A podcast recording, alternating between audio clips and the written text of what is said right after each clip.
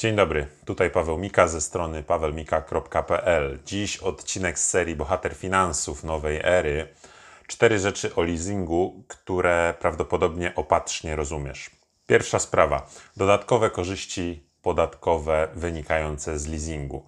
Otóż nie, nie ma czegoś takiego jak dodatkowe korzyści finansowe e, z tytułu tego, że korzystasz z tego produktu, jakim jest leasing, w szczególności leasing operacyjny, gdzie całą ratę leasingu zaliczasz do kosztu uzyskania przychodu i w ten sposób obniżasz podstawę opodatkowania, ale to samo byłbyś w stanie zrealizować e, zarówno kupując samochód, e, korzystając z kredytu e, bankowego, jak i za gotówkę, dlatego że kosztem podatkowym wówczas w tych dwóch pozostałych przypadkach byłaby amortyzacja tego pojazdu, który byłby wówczas Twoją własnością i w przypadku kredytu część odsetkowa raty, no a w przypadku zakupu za gotówkę faktycznie tylko amortyzacja. Ale e, zarówno kwota odpisu, którego możesz dokonać, czyli 150 tysięcy złotych, jest taka sama.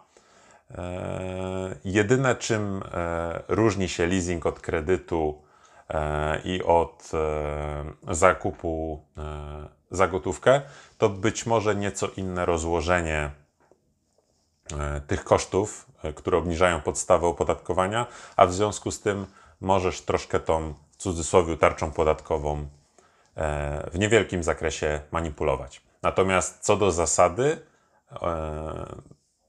koszty uzyskania przychodu związane z posiadaniem samochodu w firmie nie różnią się. Druga sprawa. Pchi leasing nie stać go tak naprawdę na ten samochód, bo inaczej e, kupiłby za gotówkę. E, no tak, bo raty leasingu przecież e, spłacają się same. Krasnoludki robią te mm, przelewy. No nie, tak przecież nie jest. O ile faktycznie zakup za gotówkę jest pewnym wyznacznikiem dużej płynności i dużej ilości gotówki na koncie. O tyle nie jest to szczególnie w otoczeniu niskich lub ujemnych stóp procentowych specjalnie e, korzystny scenariusz z punktu widzenia ekonomicznego. On może być wygodny e, z punktu widzenia psychologicznego, ale też, też e, niekoniecznie. Korzystając z takich instrumentów jak leasing, no jednak to miesięczne zobowiązanie jest relatywnie niskie, ale trwa przez wiele lat, więc zadbaj o to, jeżeli bierzesz leasing. E, zastanów się przede wszystkim, czy Twoja sytuacja finansowa jest na tyle stabilna, żeby to zobowiązanie udźwignąć, czy masz poduszkę na zaspokajanie raz przez, przez kilka miesięcy, kiedy na przykład e, Twoja płynność nieco się pogorszy, być może dochody trochę spadną.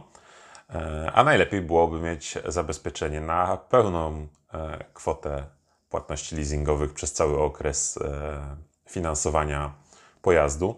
Tyle, że tą e, poduszkę w rozsądny sposób e, inwestować lub przechowywać, korzystając zarówno z dobrodziejstw niskich stóp procentowych, jak i z dobrodziejstw poduszki finansowej i zabezpieczenia przyszłych płatności z tytułu leasingu. Trzecia sprawa wiąże się bezpośrednio z drugą, czyli e, wielu ludzi traktuje leasing jako coś takiego, co w zasadzie nie, nic albo niewiele kosztuje, a powoduje, że użytkujesz nowy samochód. Stąd bardzo duża popularność tak zwanego najmu e, długoterminowego, e, co w zasadzie, co do zasady nie jest niczym innym jak klasycznym leasingiem lub kredytem, tyle że z wysoką wartością e, wykupu, taką, która powoduje, że użytkujący mm, dany pojazd no w zasadzie nie jest w większości przypadków zainteresowany jego ostatecznym wykupem i, i tym, żeby posiadać e, pojazd na własność. E, plusy takiego rozwiązania to z pewnością to, że jesteś w stanie jeździć nowym samochodem, często go wymieniać i w tych pakietach produktowych najmu długoterminowego jest szereg usług i wygód, które faktycznie e, ułatwiają życie i być może dla zajętych przedsiębiorców może to być wartość dodana.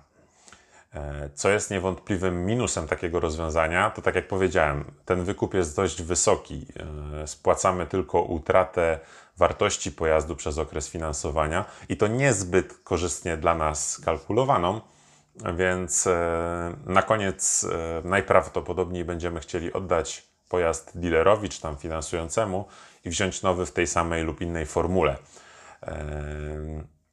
Kolejnym minusem są dość restrykcyjne limity kilometrów. Ich zwiększanie jest dość kosztowne, no bo przebieg pojazdu bezpośrednio wiąże się z jego wartością rezydualną, więc na koniec okresu finansowania będzie ona na pewno niższa, jeśli przebieg będzie e, wyższy niż przeciętny. No i finansujący bardzo skrupulatnie rozliczy się z Tobą e, ze wszystkich niedomagań pojazdu na koniec jego użytkowania, czyli wszelkie szkody parkingowe, E, rysy, zużycie pojazdu, którym być może nie przejmowałbyś się, gdyby był Twój, no tu będzie skrupulatnie mm, rozliczone. Czwarta sprawa.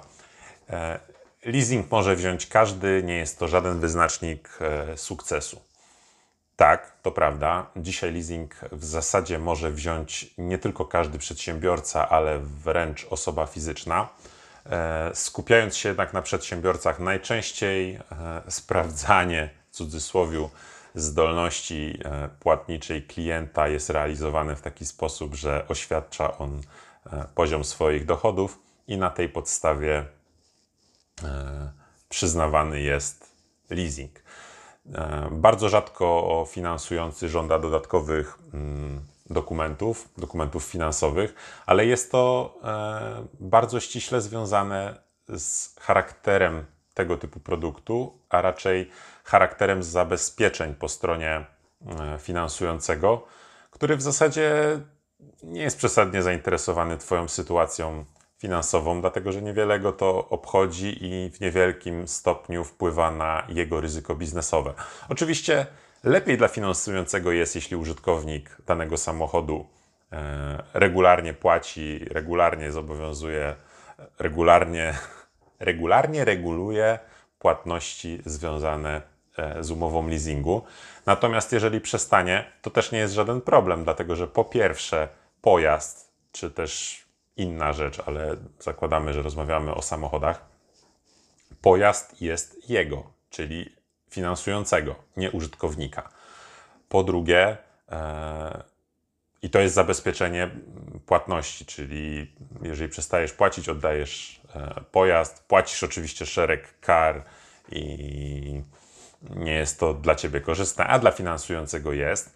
Pojazd jest też zabezpieczony przed kradzieżą, zniszczeniem i tak dalej, i tak pełnymi pakietami ubezpieczeń, e, więc tu też nie ma zagrożenia. Do tego Mm, leasingobiorca taki w postaci jednoosobowej działalności gospodarczej często jest proszony również, również przez instytucję finansową o podpisanie weksla i deklaracji wekslowej, która dodatkowo zabezpiecza taką umowę. Czyli jeżeli bierzesz leasing nie jako spółka prawa handlowego, tylko jako osoba fizyczna prowadząca działalność gospodarczą, to zapewniam Cię, że nie opłaca Ci się nie regulować zobowiązań z tytułu leasingu. Więc wróć do punktu drugiego i zastanów się, czy na pewno warto imponować sąsiadowi za wszelką cenę. Dzięki, że byłeś dzisiaj ze mną. Cześć.